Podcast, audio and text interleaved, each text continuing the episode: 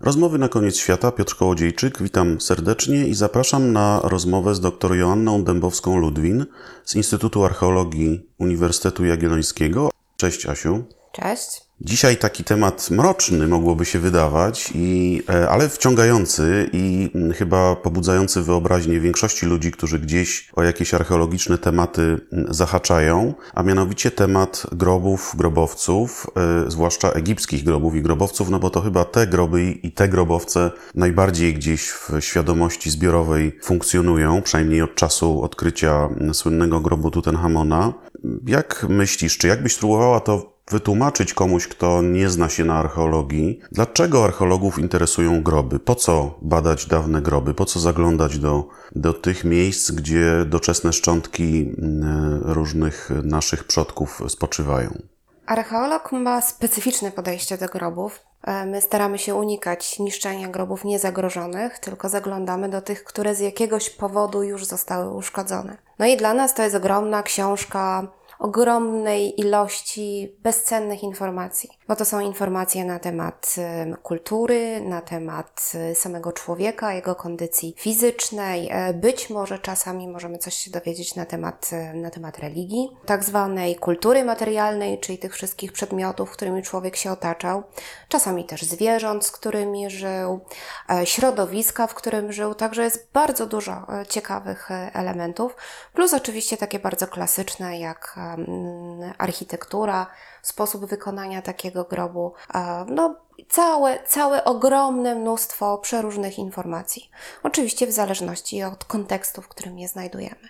Można powiedzieć, archeolog traktuje groby z szacunkiem, ale jednocześnie są one dla niego takim samym źródłem informacji jak na przykład osada, zamek, czy jeszcze jakieś inne miejsce, gdzie człowiek w mniej lub bardziej odległych czasach funkcjonował. No w zasadzie tak, e, zwłaszcza, że na terenie starożytnych osad też bardzo często znajduje się ludzkie kości. No właśnie. Więc to tak. też nie jest powiedziane, że trzeba koniecznie e, rozkopać grób, żeby znaleźć szczątki człowieka. Są takie okresy w pradziejach, gdzie osada i cmentarzysko to to samo właściwie, prawda? Też tak Bo jest. Groby znajdują momenty, się pod domami chociażby. Że się to przeplatało i czasami nawet do końca nie jesteśmy w stanie zrozumieć, e, co było pierwsze, jaki był kon kontekst, no właściwie jaka była relacja tych grobów w stosunku do, e, do domów. Jeśli kopiemy takie regularne cmentarzysko, czyli wiemy, że mamy do czynienia z takim rejonem, który był wykorzystywany tylko jako no, święty, przeznaczony dla zmarłych, no to jest troszeczkę łatwiej z tą interpretacją obecności ludzkich kości, ale ciągle jest też wiele ciekawych, niewyjaśnionych przypadków.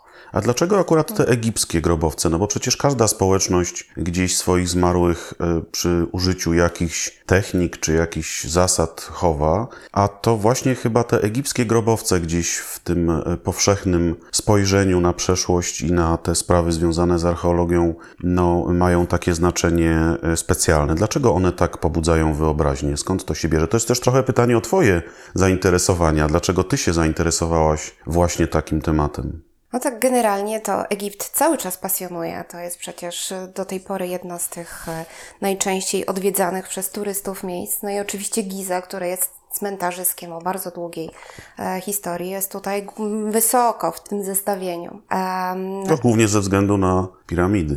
No oczywiście, no ale trzeba pamiętać, że poza tym, że one są jednym z najbardziej monumentalnych. Ale też są grobowcami przecież. Dokładnie, to jest ich główna, e, główna funkcja.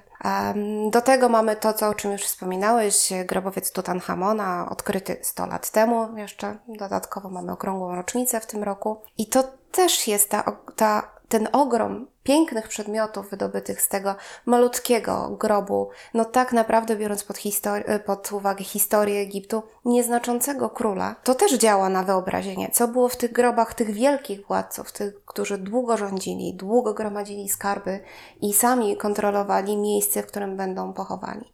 Więc y, to jest, to jest dużo ciekawych, ciekawych rzeczy, takich dobrze działających na wyobraźnię. To są te kolory, to jest oczywiście złoto, ale oczywiście nie wyłącznie, bo e, złoto to jest to coś, co najczęściej przyciągało rabusiów, a co my najrzadziej znajdujemy de facto. Natomiast my znajdujemy różne inne rzeczy, kościane przedmioty, wycyzelowane z taką, taką maestrią, że aż, aż trudno uwierzyć, że e, przy takich możliwościach technicznych, jak ludzie mieli tysiące lat temu było to możliwe. No i chyba jeszcze do tego można by dodać te opowieści o różnego rodzaju klątwach, tajemniczych też. zjawiskach i tak dalej, Tak, prawda? tak. To też to jest, e, no to już jest nasza współczesna mm, historia i raczej taka kaczka dziennikarska. No ale działa, Ale prawda? na działa, wyobraźnię działa. I, No. i chyba właśnie to hasło klątwa faraona z tymi egipskimi grobowcami się kojarzy bardzo wielu osób. Działa oczywiście, to też widać po współczesnych produkcjach filmowych, które bardzo często sięgają po ten motyw starożytnych grobów, klątw, e, e, różnych pułapek, których zresztą notabene w prawdziwych egipskich grobowcach nie było. Ale to już, to już jest e, rzecz zupełnie, e, zupełnie osobna.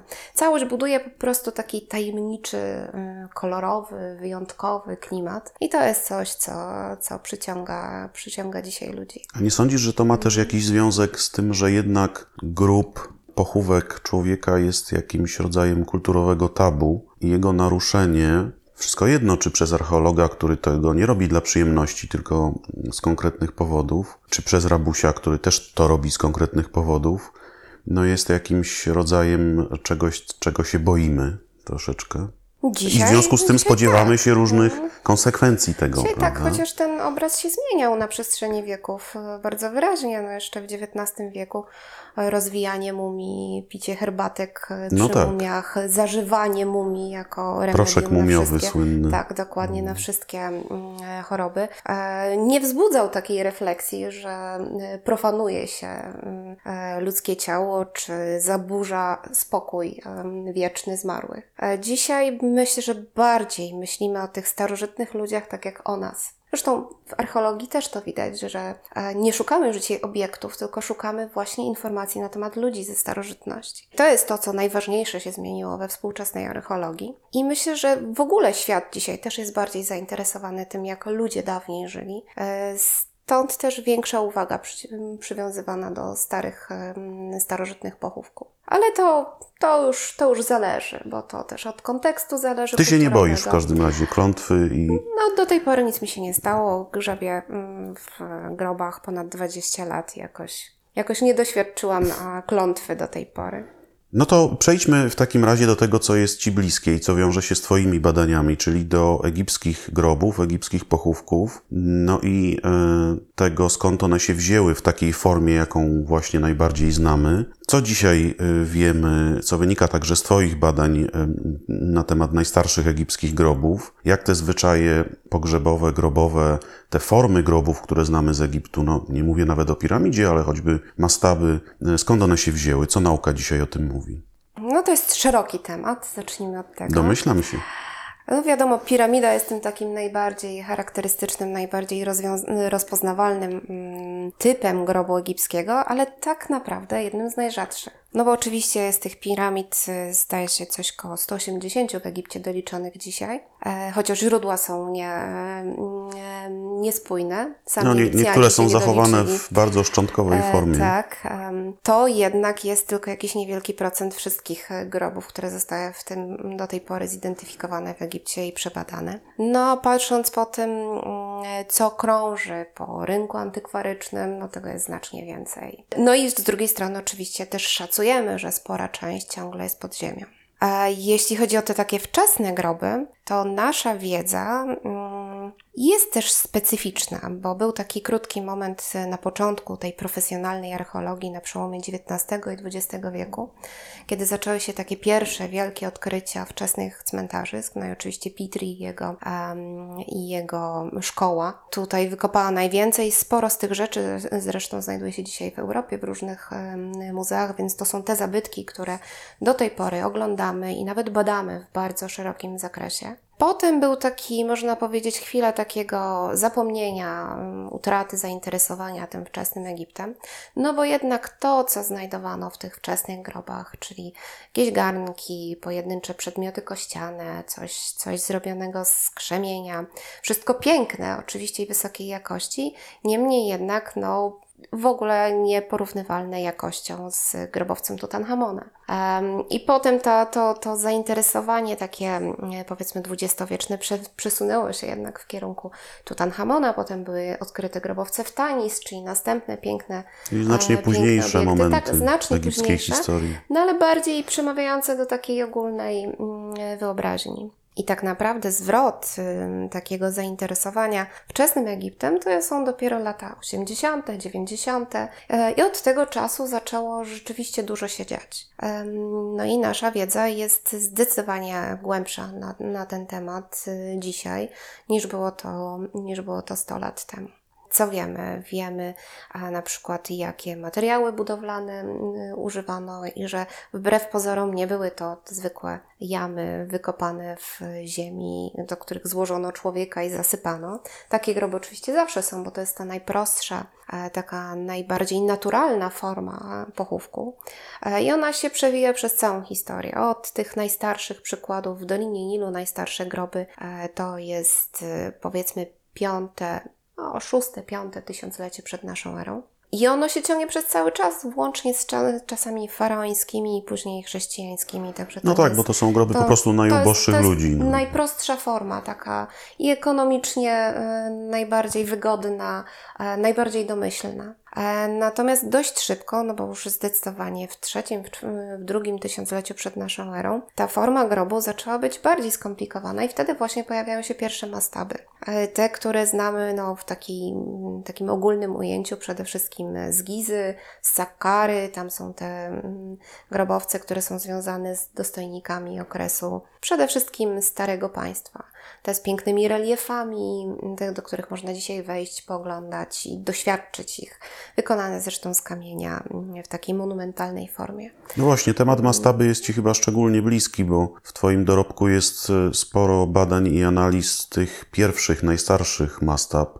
E, Skąd ta, ten pomysł, jeśli można tak powiedzieć, na tego typu grup e, się w ogóle wziął w Egipcie, jak, jak myślisz? No myślę, że to jak zwykle ewolucja i takie dążenie do budowania lepszej, ciekawszej formy grobu, takiej, która będzie się bardziej opierała mm, czasowi po prostu. No i taki, z tej takiej podstawowej formy grobu, który znajdował się pod ziemią, e, urosła forma większa, która posi- posiadała także taką mm, część naziemną.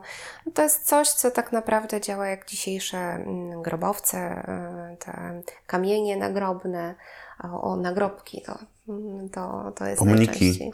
Tak, pomniki różnego rodzaju. Czyli to, co nie jest fizycznie częścią grobu, natomiast dla żywych zaznacza wyraźnie e, miejsce pochowania człowieka no i mówi coś na temat tego człowieka. Oczywiście na samym początku w Egipcie nie było e, inskrypcji, które by na zewnątrz ogłaszały, kto był e, pochowany wewnątrz. Natomiast patrząc na to, co się dzieje wokół takich wczesnych grobów, gdzie jest dużo śladów aktywności popogrzebowej, gdzie są ślady składania takich prostych ofiar żywnościowych. Same się nie zachowują, ale zachowują się formy chlebowe, takie mm, ceramiczne mm, obiekty, e, dzbany na piwo, e, które nam podpowiadają, że jakieś tego typu e, ofiary były składane. Ale to było coś w rodzaju stypy, czy raczej coś w rodzaju ofiary dla bogów? Było to i to. Coś w rodzaju ceremonii religijnej, czy bardziej takiej świeckiej? Było, e, było to i to, bo mm, jeśli popatrzymy dokładnie na te w- m, wczesne mm, mastaby, e, to one mają w swojej konstrukcji często e, taki element, który porównywany jest z szybem. Czymś, co jest typowe dla późniejszych grobowców, takich z okresu średniego, nowego państwa i nawet później.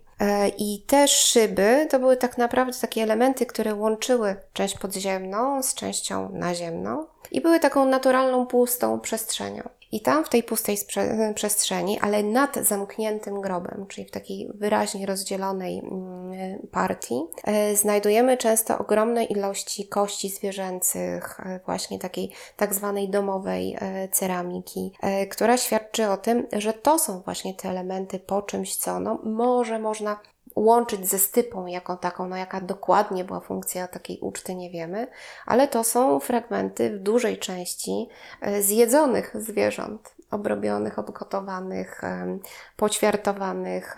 Zresztą większość tego, co tam znajdujemy, to są takie ewidentnie spożywcze, nazwijmy to gatunki. No, zwyczaj ucztowania na cmentarzach dzisiaj też jest w końcu obecny i w Ameryce Środkowej i w Europie Wschodniej zdarza się, więc w Rosji na przykład, w, na Ukrainie, na Białorusi. No i zdecydowanie w starożytnym Egipcie też był Tak. taki element, przynajmniej przy tych e, najlepszych e, grobach, w takiej oczywiście mikrolokalnej skali, tych najlepiej wyposażonych, tych najbardziej wyjątkowych. E, Prawdopodobnie było to związane z jakimś elementem, jakimś momentem budowlanym. To coś na zasadzie, tak jak się dzisiaj wiesza e, wiechy przy ukończeniu jakiegoś etapu budowy domu, e, to to mogło być też z tym, z tym związane, bo te ślady po takiej uczcie, nazwijmy to, są zamykane wewnątrz tych, tych struktur.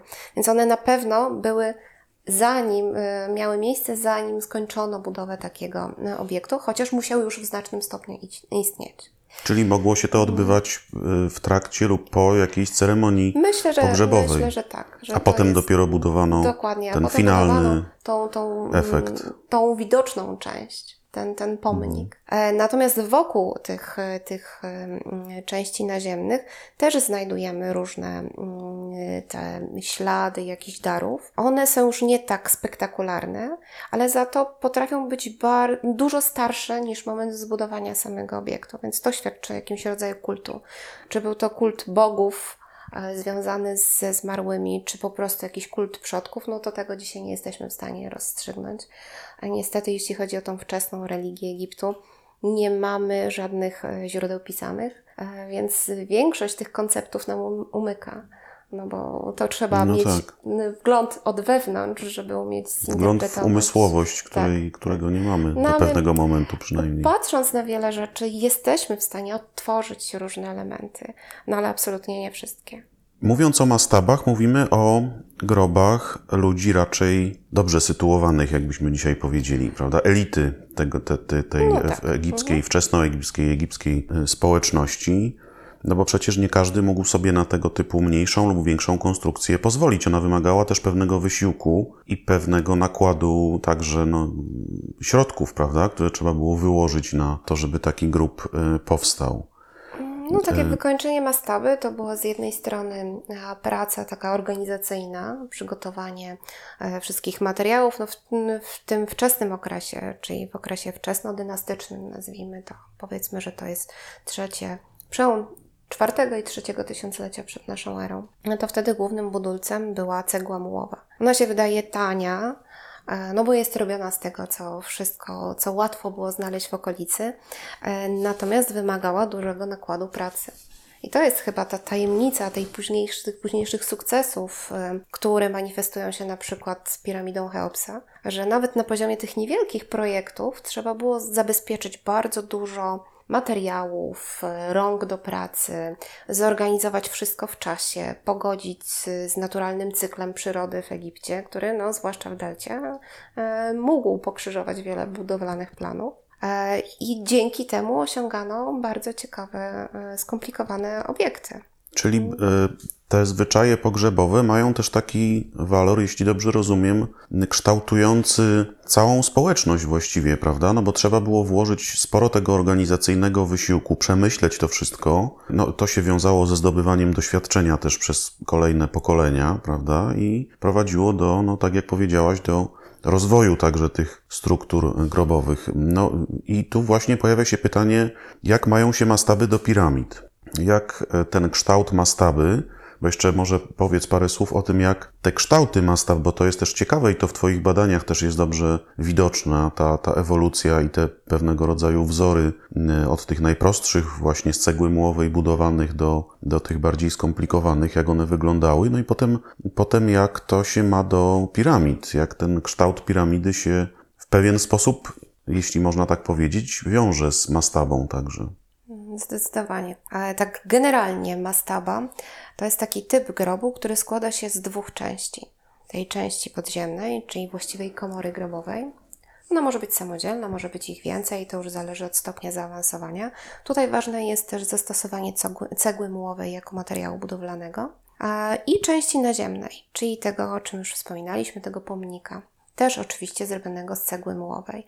Czasami są różne elementy dodatkowe, jak stropy z materiałów organicznych generalnie wykonywane, bardzo rzadko zachowujące się, ale jednak na tyle często pojawiające, że jesteśmy w stanie zidentyfikować ten, ten element. No i później taka, mm, taka wczesna, mała mastaba, bo to jest mała mastaba, taka typowa, mm, wczesnodynastyczna mastaba, to jest obiekt y, powiedzmy 3, 4, 5 metrów długości i jest sporą ilością cegły i wyprodukowanie tej cegły to już zakłada mm, dużo pracy. E, natomiast nie jest jakimś specjalnie imponującym obiektem, więc kilka osób, ale nie jedna, byłoby w stanie taki obiekt dość szybko zbudować. W miarę oczywiście zmian w strukturze społecznej, bo to też pojawia się mm, patrząc na historię mastaby. Te najstarsze małe mastaby, które mamy, one tak e, wydaje się, że należą do takiej bogatej klasy średniej. A potem dochodzi do mm, większego, tak jakby podziału społecznego w obrębie, mm, w obrębie społeczności egipskiej, co jest związane też e, z procesem zjednoczenia państwa jako egipskiego, jako jednego, jako jednego organizmu państwowego. Pojawia się władza zwierzchnia, pojawiają się namiestnicy królewscy. W związku z tym te lokalne elity spadają jednak w tej, w tej hierarchii. No tak, pojawia się ten szczebel centralny. No powiedzmy. właśnie. I zaczynają się też te małe mastaby, nawet na tym lokalnym poziomie, różnicować. Te, które należą do tej lokalnej klasy średniej, tej majętnej klasy średniej, dalej są takimi mm, dwuczłonowymi, powiedzmy, y, obiektami y, grobowymi, ale one są znacznie mniejsze. Natomiast obok nich wyrastają przewyższające je zdecydowanie, ale bardzo wyjątkowe, bardzo rzadkie obiekty, no takie, które już mają po kilkanaście metrów długości.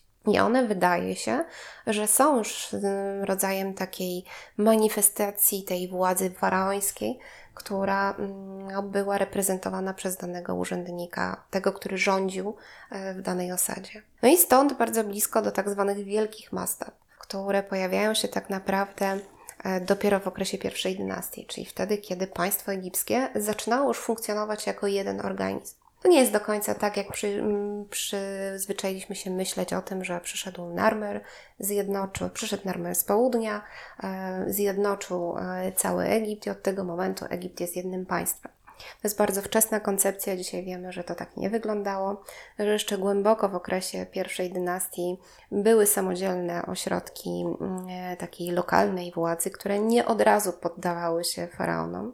W związku z tym ten, ten proces jednoczenia i takiego tworzenia tych warstw społecznych w całym kraju też był rozciągnięty w czasie. I wydaje się, że jednym z takich królewskich pomysłów e, zamanifestowania obecności tej władzy centralnej, która swoją siedzibę miała na południu, właściwie stamtąd się wywodziła, było mm, ufundowanie takiego wielkiego cmentarzyska w Sakkarze, które jest zresztą kolejnym bardzo, bardzo dobrze znanym cmentarzyskiem w Egipcie o bardzo długiej historii, łącznie z czasami rzymskimi i jeszcze w zasadzie później. E, I tam zaczęły się pojawiać pierwsze wielkie mastaby. To były naprawdę monumentalne obiekty, to były największe obiekty, jakie znamy z tego okresu. Czyli faraonowie z południa postanowili stworzyć coś w rodzaju takiego symbolu wielkiego na północy, tak? tak. Żeby pokazać, że no, panują no, nad całym no, tym tak. terytorium. Tak. No te obiekty są tak wielkie, że w porównaniu z grobowcami tych konkretnych królów, na których, na których panowanie przypadają Mm, przypada mm, ufundowanie takich wielkich mastaw Sakkara, e, są znacznie mniejsze, czyli e, wygląda na to, że ten, ten nacisk w propagandę państwową, której manifestacją była taka, e, taka mastawa, był dość, dość spory. No i to są, to, są, to są już absolutnie piękne obiekty. E, przemyślane, mm, e, konstruowane wieloetapowo, doskonale wyposażone, o czym oczywiście tylko zgadujemy, bo tak naprawdę znajdujemy tylko śmieci. Te, które zostały porzucone przez e, wielokrotne grabieże, rozdeptane. To, czego nawet rabusie nie chcieli. Tak? Dokładnie, tak? to było to, co, czym nie byli zainteresowani, a my jesteśmy zachwyceni zbieraniem tych drobiazgów, montowaniem ich w całość i rekonstruowaniem rzeczywistości na tej, e, na tej podstawie. Ale zaskakująco dużo można e, odczytać z takich, e, z takich drobiazgów.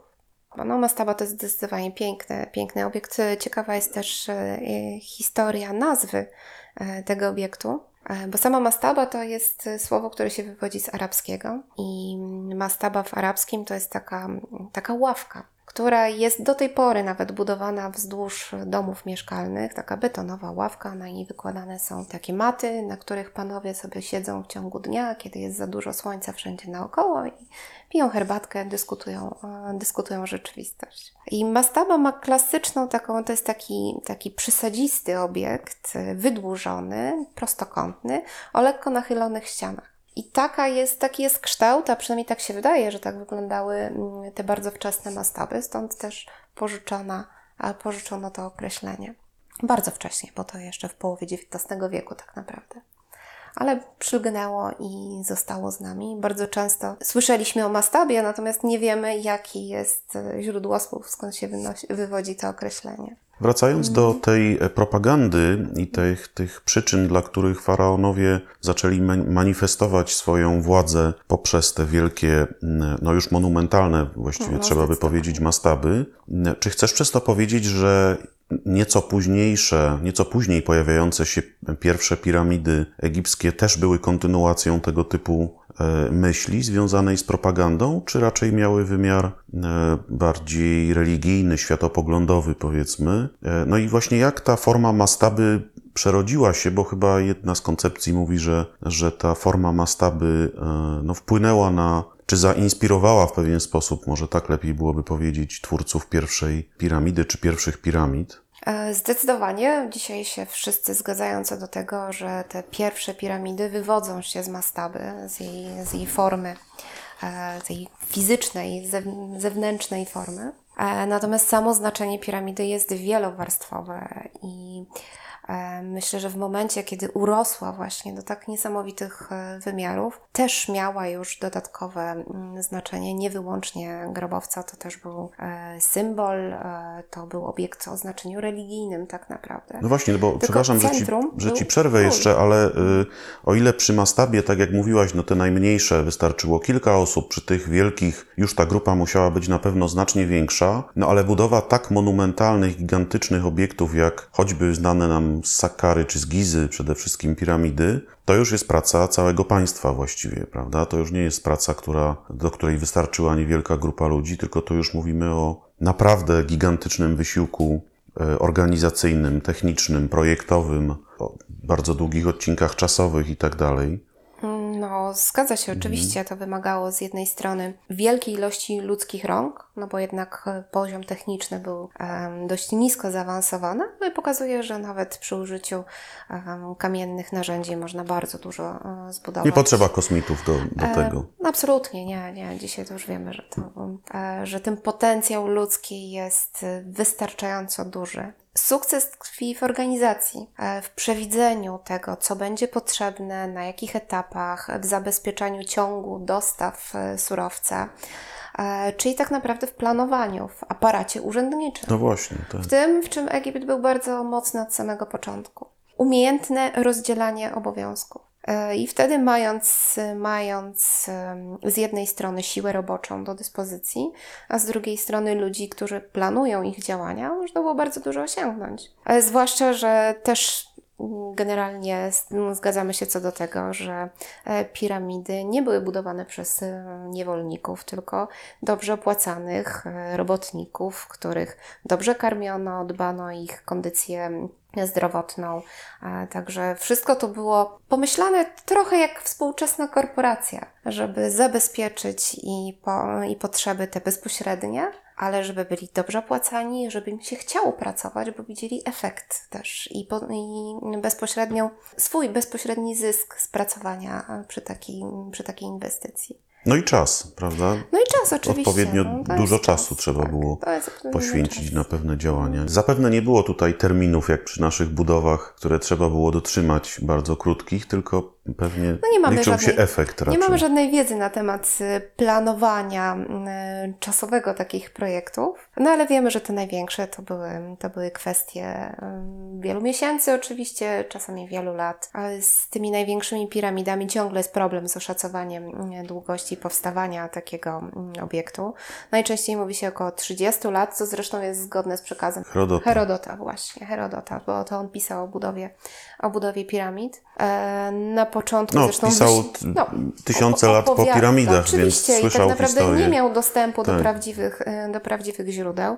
Potem był z tego powodu wyśmiewany, a później okazało się, dzisiaj się okazuje, że jednak w tych jego e, historiach zasłyszanych wiele, wiele setek lat po, po wydarzeniach jest sporo prawdy. Więc to, to, też, to też tak na marginesie w ogóle e, takie inne spojrzenie współczesnej archeologii, żeby jednak korzystać z dostępnych źródeł, oczywiście krytycznie, ale nie odrzucać ich tylko dlatego, że z jakiegoś powodu nam nie pasują. Powiedzmy może jeszcze parę słów dla niezorientowanych e, słuchaczy, jak właśnie ta mastaba, ten kształt mastaby e, ma się do kształtu piramidy. Jak, jak, e, jak ta pierwsza piramida zbudowana przez faraona Dżosera e, no, z mastaby gdzieś tam wyszła, można powiedzieć. Patrząc na to, y, jakie można zaobserwować zmiany w koncepcji budowlanej tej najstarszej piramidy, no bo piramida w Saqqara jest pierwsza, tak jak mówiłeś, pierwsza, którą znamy i prawdopodobnie patrząc na szczegóły konstrukcyjne, w ogóle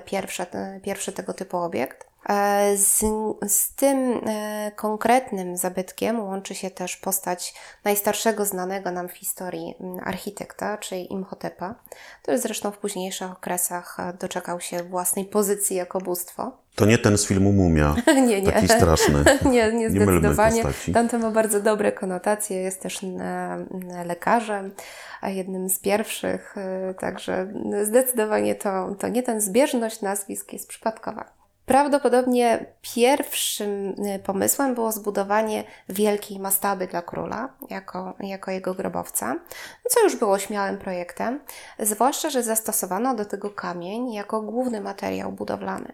Bo I coś, czego wcześniej mm, w takiej skali kamień, nie robiono. To jest, y, bo to też nie jest tak, że nagle stwierdzono, że będziemy, a do tej pory budowaliśmy z cegły, teraz będziemy budować z kamienia. To tak nie jest, bo mm, we wcześniejszych okresach pojawiają się pewne elementy kamienne i widać pracę z kamieniem jako materiałem budowlanym, z różnymi rodzajami kamienia, co też, też jest istotne, bo różne rodzaje dostępne mm, w Egipcie mają różne właściwości statyczne, więc nie wszystko można z każdego rodzaju kamienia zbudować. Ale to byłby rzeczywiście pierwszy taki projekt, który znamy, gdzie zamiast powszechnie używanej cegły i powiedzmy elementów kamiennych, były przede wszystkim elementy kamienne. Na początku to było widać takie trochę takie nieśmiałe podejście, bo to były małe bloki kamienne, które bardziej przypominają wielkością taką standardową cegłę. I to też widać częściowo w tym całym kompleksie. Tam jest bardzo dużo nawiązań do takiej wcześniejszej architektury. Chociaż pojawiają się po raz pierwszy w ogóle, jak na przykład kolumny, które są przy wejściu do całego kompleksu, e, które są pierwszymi kolumnami, jakie znamy z architektury, z historii architektury Egiptu, ale one są mm, wyrzeźbione w ten sposób, że przypominają wiązki papirusu. Czyli nawiązują do zupełnie innego, e, innego materiału. E, Sklepienia, które zresztą przy tych, e, przy tych kolumnach się pojawiają, są oparte na elementach kamiennych, wyrzeźbionych i pomalowanych tak jak belki drewniane. Więc też, też widać takie, mm, no, takie dopasowywanie tego nowego materiału do tej starszej koncepcji. No i różne inne elementy, jak wymodelowane na przykład zwinięte maty e, w różnych niszach, które się pojawiają. E, No to, to wszystko to, to jest interpretowane właśnie jako taki, takie nawiązanie do tej tradycji, mimo tego śmiałego rozwijania nowego, e, nowej koncepcji. I wygląda na to, że najpierw właśnie powstała ta pierwsza mastaba, no ale potem okazało się, że z jakiegoś powodu mm, no, te apetyty były większe.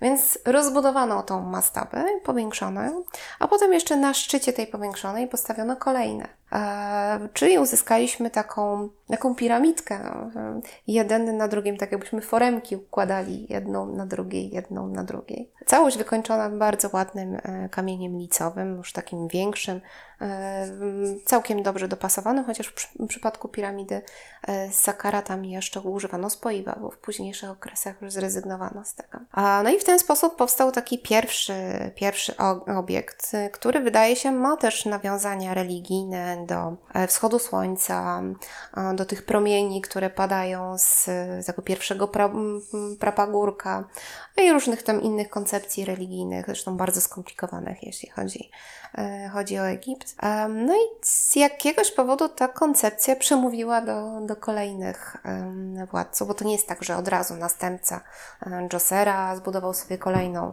tam było kilka etapów, e, powiedzmy, eksperymentów, aż wreszcie mm, pojawił się pierwszy władca czwartej dynastii, czyli Snofru, e, który zbudował dla siebie trzy piramidy. Przy czym te dwie ostatnie są rzeczywiście typowe, klasyczne, tak jakbyśmy to mm, nazwali dzisiaj, czyli te ostrosłupy osadzone na planie prostokąta, kwadratu właściwie.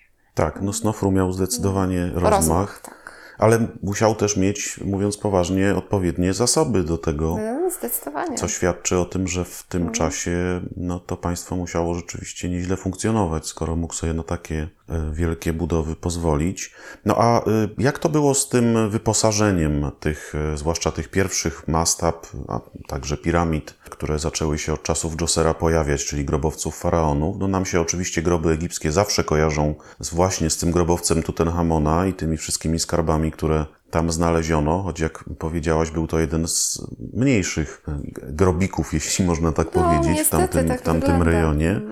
No ale przecież to nie jest zjawisko powszechne, zwłaszcza w tym pierwszym okresie, prawda? Bo jak to z piramidami i ich wyposażeniem było według naszej Nie wiemy wiedzy? oczywiście, no bo wszystkie zostały obrabowane, wielokrotnie obrabowane w starożytności, nazwijmy to jeszcze w średniowieczu, dużo z nich wyciągano. E, Więc to, co się zachowało w środku, to są naprawdę pojedyncze e, rzeczy. Najczęściej się ograniczają do sarkofagu czy jakichś elementów em, kamiennych, skrzyń, takich, takich pojedynczych e, po prostu. E, Możemy zgadywać, co się znajdowało w tych, em, w tych grobowcach e, na podstawie tego, co wiemy, co znajdowało się w grobowcach dostojników, no powiedzmy w okresie wczesnodynastycznym. E, No bo tak jak wspominałam, tam też mamy tylko mm, skrawki i śmieci, ale wiemy, jakie kategorie obiektów e, się pojawiały.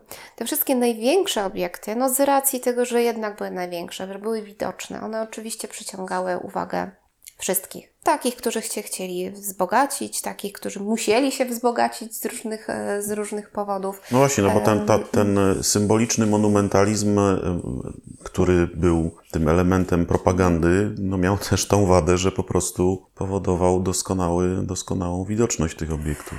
No tak, no i zawsze był takim kęskiem do zgryzienia, póki... Smacznym takim, tak? Póki Zachęcającym. sytuacja była stabilna i można było sobie pozwolić na pilnowanie takich obiektów, to, to nic się nie działo. No ale w tej długiej historii Egiptu co jakiś czas pojawiały się jednak te zawahania e, stabilności władzy centralnej. No i prawdopodobnie wtedy ruszały e, masy mm, ludzi łasych na, na te e, piękne kąski i wyciągali z grobowców wszystko po kolei. Czyli te największe to wiemy, że do tej pory nie znaleźliśmy niczego nieobrabowanego. E, Natomiast y, te mniejsze, te mm, grobowce powiedzmy klasy średniej czy takiej lokalnej elity czasami znajdujemy nienaruszone. E, One oczywiście nie są nietknięte, no bo wiadomo, że, że czas, deszcz, erozja i tak dalej, e, więc e, te mm, same korpusy tych obiektów nie są zachowane w 100%. Natomiast wiemy, że nikt do nich nie wchodził. E, No i oczywiście tutaj też nasze dane są limitowane mm, procesami, no, tak zwanymi procesami postdepozycyjnymi, czyli wszystkim tym, co się dzieje pomiędzy momentem złożenia czegoś do grobu, a jego odkryciem. No, tutaj czynniki są bardzo zróżnicowane. Najczęściej prowadzi to do tego, że te obiekty e, wykonane z przedmiotów tak zwanych organicznych no, nie docierają do naszych czasów. Ale czasami są odciski, negatywy, czyli też takie drobiazgi, które nam pozwalają zidentyfikować obecność koszyka, maty, plecionki, jakiejś drewnianej belki e, i tym podobnej. Czasami, w bardzo rzadkich e, sytuacjach, też takie obiekty są znajdowane. E, No ale to już jest splot bardzo specyficznych, bardzo takich dogodnych warunków klimatycznych potrzebnych. Normalnie to na takie rzeczy nie liczymy. To, co znajdujemy, to najczęściej jest ceramika. I to jest dla nas o tyle cenne, że ceramika dość e, szybko zmieniała się w czasie, więc jest bardzo dobrym materiałem datującym.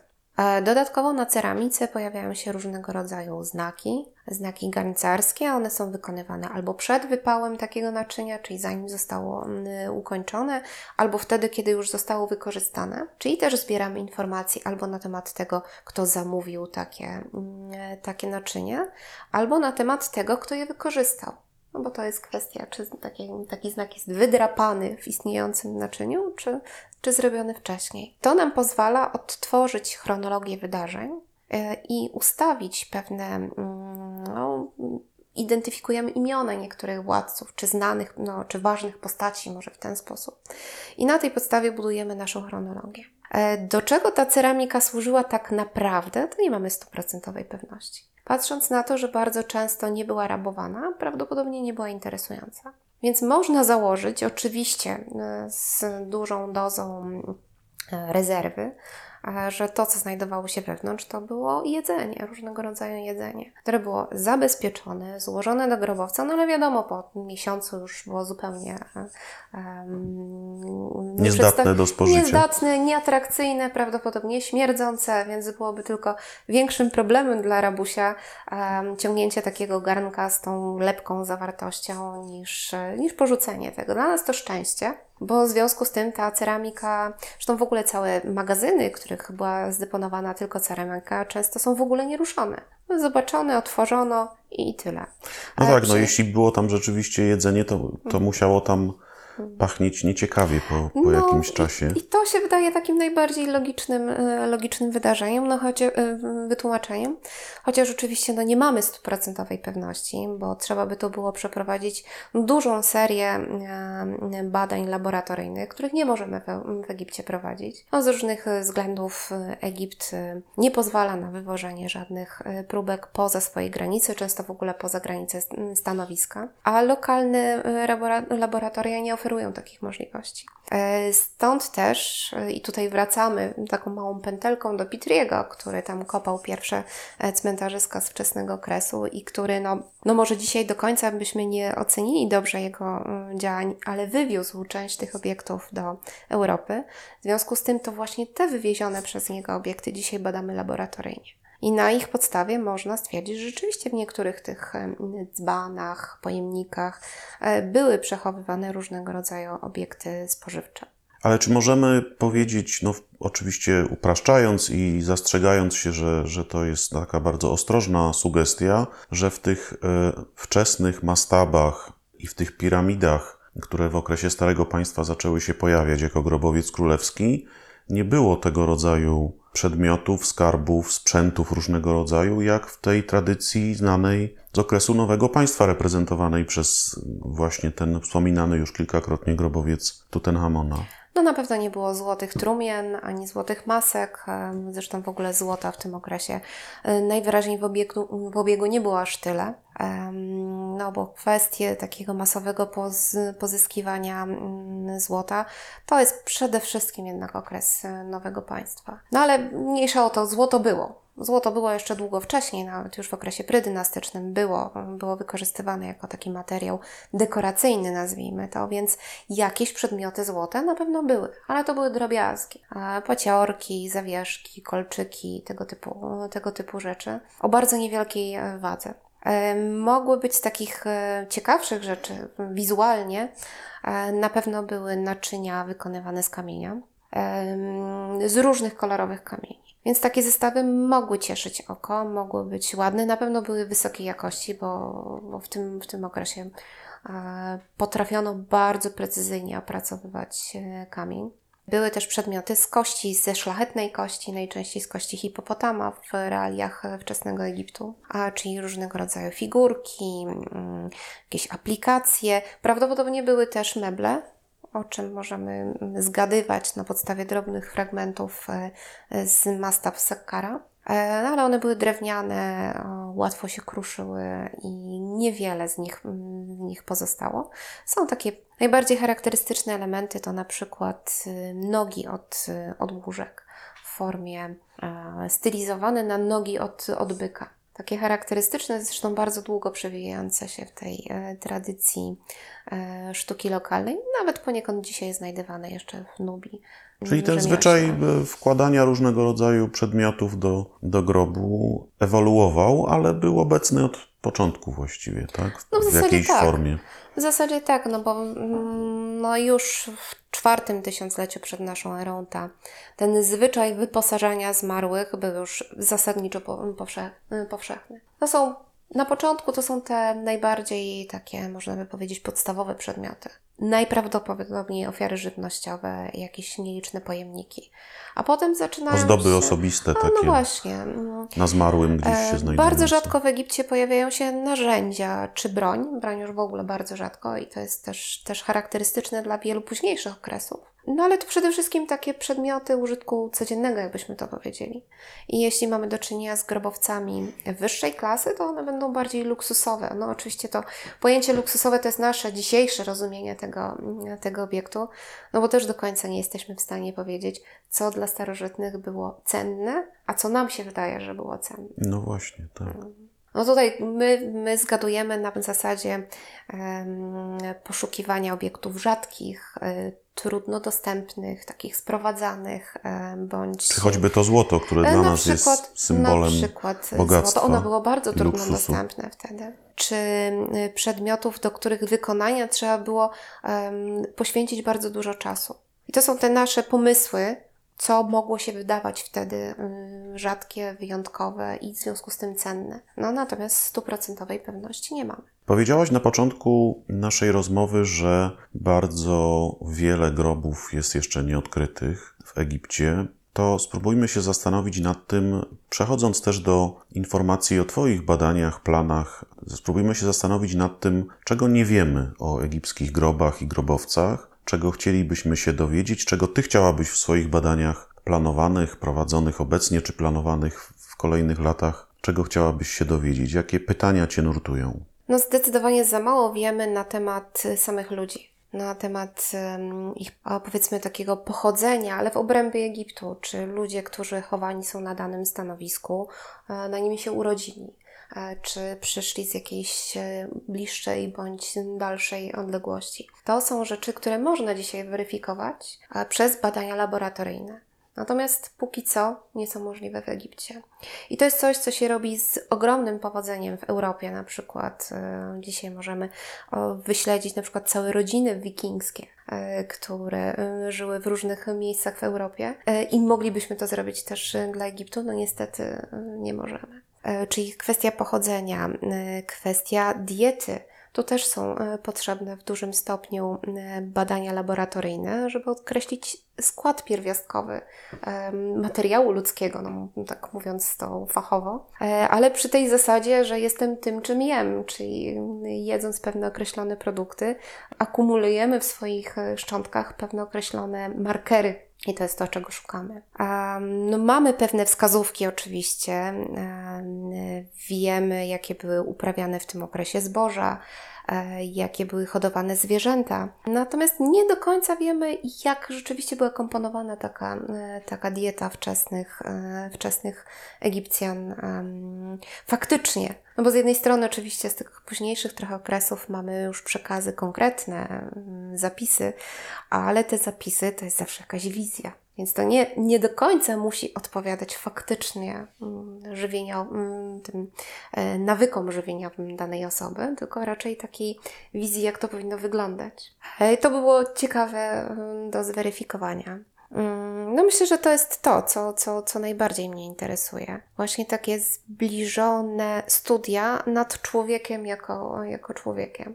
I tym środowiskiem, które go otaczało, no bo to są absolutnie nierozerwalne e, czynniki, które dość często są jednak pomijane. No to dość trudny temat, biorąc pod uwagę te problemy z prowadzeniem badań lab- laboratoryjnych, które no dzisiaj są niezwykle ważne w archeologii, a Egipt rzeczywiście jakieś takie ma zasady, które, powodują, że ich prowadzić w zasadzie nie można, albo w każdym razie w bardzo ograniczonym zakresie. No, no, no, no nie można. No, nie, nie do końca, szczerze mówiąc, jest to zrozumiałe, ale liczę na to, że te nowe pokolenie tych e, ludzi, którzy zarządzają egipską archeologią, którzy bardzo często mm, robili doktoraty, zresztą nawet, nawet w Polsce, e, i którzy są już takimi mm, otwartymi ludźmi, że może zmienią i otworzą Egipt na tą współczesną naukę i skorzystają z tego wszystkiego, co ona ze sobą, ze sobą niesie. No bo w tym momencie egiptologia zaczyna się robić taka trochę e, zacofana w stosunku do, do tego, co robi archeologia na świecie. No tak, przestała się właściwie rozwijać, No, utknęliśmy patrząc na to, co się dzieje w miejscu, innych tak, bo- rejonach świata. Bo wykorzystujemy te możliwości interpretacyjne mm, obiektów i na tym bazujemy. No to oczywiście można rozwijać o jakieś elementy cyfrowe, e, analizę, analizę danych, e, różnego rodzaju statystyki, ale nie dokładamy nowego rodzaju danych do tych naszych analiz. No może jedną Mm. e, zaletą, jedyną zaletą tego systemu czy tej sytuacji jest to, że się wzięto za te obiekty znajdujące się w europejskich i nie tylko europejskich muzeach, To racja, których jednak dość sporo przyjechało w XIX-XX wieku do, do, do właśnie do Europy. To racja, z tego, z tego można dużo wyciągnąć, natomiast główny problem polega na tym, że wiele z tych obiektów jest pozbawionych e, proweniencji. No tak. A, czyli możemy Trochę badać inne sam obiekt, zasady tak? obowiązywały przy... Ale nie, ba- nie badamy epoki i 100 lat otoczenia, z temu. którego, y, którego pochodził. A do tej pory jeszcze się to dzieje. No, niestety y, problem e, nielegalnego pozyskiwania zabytków dotyczy też Egiptu. No jest to przykre, bo we współczesnym świecie jednak spodziewalibyśmy się, że już y, ta społeczna, społeczna mentalność i świadomość y, wagi tych obiektów będzie na tyle duża, że nie będzie to poważnym problemem, a jednak okazuje się, że jest. No to nie tylko w Egipcie niestety występuje. No, wiem, że problem jest światowy, niemniej jednak zawsze szkoda. Tak, to prawda. Spróbujmy podsumować e, naszą rozmowę mm, paroma słowami na temat Twoich badań obecnych i przyszłych. Od wielu lat pracujesz w e, Tel El Farha w Egipcie. Co tam, co tam się dzieje teraz, jeśli chodzi o Twoje badania i jakie masz też plany na najbliższe miesiące, lata? Jeśli chodzi o cmentarzysko, to tam jesteśmy w stanie oszacować e, mniej więcej, ile wykopaliśmy w stosunku do tego, co znajduje się w ziemi. No, ze względu na to, że jednak kopiemy tam już ponad 20 lat i mamy rozeznaną sytuację wokół też cmentarzyska. Jeśli chodzi o cmentarzysko, to wydaje się, że jakąś mniej więcej dwie trzecie może już przebadaliśmy. To, czego byśmy sobie życzyli znaleźć, ja też bardzo bym sobie życzyła, to znaleźć jeszcze starszą, starsze cmentarzysko związane z początkami istnienia osady. Bo to, co mamy teraz, jest związane z, z późniejszym okresem, z tym okresem wczesnodynastycznym przede wszystkim. Natomiast e, sama osada jest e, znacznie starsza. Na początku była tam taka starsza jednostka lokalna, określana jako kultura dolnoegipska i jej grobów nie mamy, mimo że mamy rozbudowaną osadę. E, Co jest generalnie jednak, biorąc pod uwagę to, co wiemy na temat tej jednostki, niemożliwe, żebyśmy mieli osadę, a nie mieli cmentarzyska. No gdzieś ci ludzie muszą Gdzieś być, tam, mówiąc Gdzieś tam pod krótko. ziemią musi być. Jest szansa, że mm, się zachowała, no bo jednak znajduje się na samym dnie. A dopiero wszystkie te kolejne warstwy narastały na tym. E, Więc jest szansa, że kiedyś na to natrafimy, ale, ale nie bardzo są wskazówki, gdzie należy tego szukać. W Tel El Farha jesteśmy teraz w takim e, momencie, że udało się zamknąć pewien etap badawczy na cmentarzysku. E, Mamy teraz 145 przebadanych grobów, no, co jest może niezbyt imponującą liczbą, ale daje już pewne możliwości interpretacyjne. I teraz pracuję nad podsumowaniem e, tego. E, Na, na przyszłość no, będziemy kopać dalej. Jedziemy w teren za miesiąc. E, No i zobaczymy, co nam się uda znaleźć, odkryć. Cały cmentarz, całe stanowisko jest, jest ciekawe i wbrew pozorom jest bardzo zagrożone. Więc e, trzeba się śpieszyć, e, żeby przegonić tą lokalną ludność, która jednak bardziej ceni swój komfort życia, no to jest zupełnie zrozumiałe, nad dziedzictwo archeologiczne, które się znajduje na, na obrzeżach e, ich miejscowości. Dlatego też no, bardzo, bardzo dużo jest zakusów takich lokalnych, żeby zniszczyć to cmentarzysko, żeby je za szybko, za szybko przebadać, tak odpuścić trochę.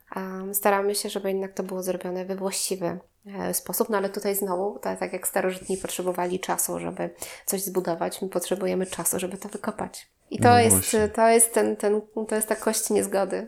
Czy planujesz jeszcze jakieś prace badawcze na innych stanowiskach w Egipcie, poza Egiptem? E, Aktualnie wybieram się poza Egipt, rozszerzam trochę e, aktywność em, na Górną Nubię, czyli rejony, gdzie tak naprawdę można się dalej spo- spodziewać e, Egipcjan i właściwie no moim, e, moim takim głównym celem jest znalezienie w rejonie, bo to jest w rejonie drugiej katarakty powiedzmy to, czyli tam, gdzie kończy Sudan się... dla tak, niewtajemniczonych, powiedzmy. Em, No, Sudan dzisiaj, a Tak, w starożytności, współczesny Sudan w oczywiście, starożytności e, Nubia, czyli e, taka kraina, z którą przez wiele lat em, Egipt graniczył. Czasami była to część politycznych zakusów, zasięgu politycznego Egiptu, a czasami wręcz odwrotnie. Więc ta historia jest tutaj bardzo, bardzo skomplikowana. Rejon, który, który zamierzam badać teraz, to jest samo, sama granica jeziora Nasera, południowa granica jeziora Nasera. I w miarę tego, jak e, zmienia się oczywiście klimat e, na Ziemi, ale też lokalnie się zmienia klimat, jezioro wysycha. W związku z tym wychodzą rzeczy spod ziemi, spod wody, e, które wydawały się, że będą na zawsze stracone. No i może to jest e, ten moment, żeby z tym nowym spojrzeniem, e, tym współczesnym, badawczym podejść jeszcze do tego miejsca i znaleźć te ślady po tej wczesnej obecności człowieka, no bo siłą rzeczy jednak chciałabym znaleźć te mm, związane z czwartym tysiącleciem przed naszą erą, żeby jakoś połączyć to, Te- co wiemy na północnego, Tak. e, północnego Egiptu e, z tym, co można znaleźć w północnej Nubii, czyli daleko na południe od Egiptu. No to taka trochę słodko-gorzka konstatacja, że zmiany klimatu, które są generalnie niepozytywnym zjawiskiem, e, mają też ten walor pozwalający na, na dodatkowe badania. Dają szansę, która wydaje się była utracona w latach 60. Wtedy, kiedy pojawiła się ta wielka akcja UNESCO ratowania Tak. zabytków Nubii, zresztą powszechnie znana, no, najbardziej łączona z przeniesieniem świątyni w Abu Simbel. E, No ale to oznaczało oczywiście zalanie wodą tysięcy, mm, tysięcy mm, stanowisk arche- archeologicznych. E, No i wydawało się wtedy, że rzeczywiście no, jedyne, co można zrobić, to ruszyć w teren, zaznaczyć krzyżykiem na mapie, Em, No i, i tylko tyle. A dzisiaj okazuje się, że jednak e, można do tego wracać. E, Do tego stopnia, że wychodzą nawet mułowe twierdze spod, spod wody, E, więc te takie związane z okresem średniego państwa, czyli te takie najbardziej monumentalne. E, No, w latach 60. ubiegłego wieku były badane w zupełnie inny sposób. Dzisiaj mamy z jednej strony możliwości techniczne, a z drugiej strony możliwości poznawcze mamy zupełnie inne, bo jednak e, opracowaliśmy inną strategię podejścia do zabytków. No i jeszcze dodatkowo e, w Sudanie można robić badania laboratoryjne. No właśnie. No, No i mamy też znacznie nowocześniejsze techniki dokumentacyjne, które no pozwalają. No. szybciej i i więcej zrobić Mm, Tak, tak, dzięki oczywiście. różnym urządzeniom, które wykorzystujemy. No to świetny plan. Miejmy nadzieję, że to wszystko się e, uda. No niestety z Afryką nigdy nie można No właśnie, zbyt tak. sztywno planować niczego, więc zobaczymy, ale jak się uda, to w listopadzie e, zacznę nowy rozdział. Trzymam kciuki, Mhm. życzę powodzenia, żeby żadna klątwa was nie dopadła, faraona czy kogoś innego, bo jak wiemy w różnych częściach świata są różne klątwy. Jest klątwa faraona, klątwa Montezumy, e, No, z reguły dotyczy tego w Jordanii samego. jest klątwa Aretasa, także... Ale to jest wszystko to samo tak naprawdę, więc życzę, żeby żadna klątwa was nie dopadła. Dziękuję ci bardzo za rozmowę i za poświęcony Ja czas. dziękuję. No i do zobaczenia, do usłyszenia. Do zobaczenia.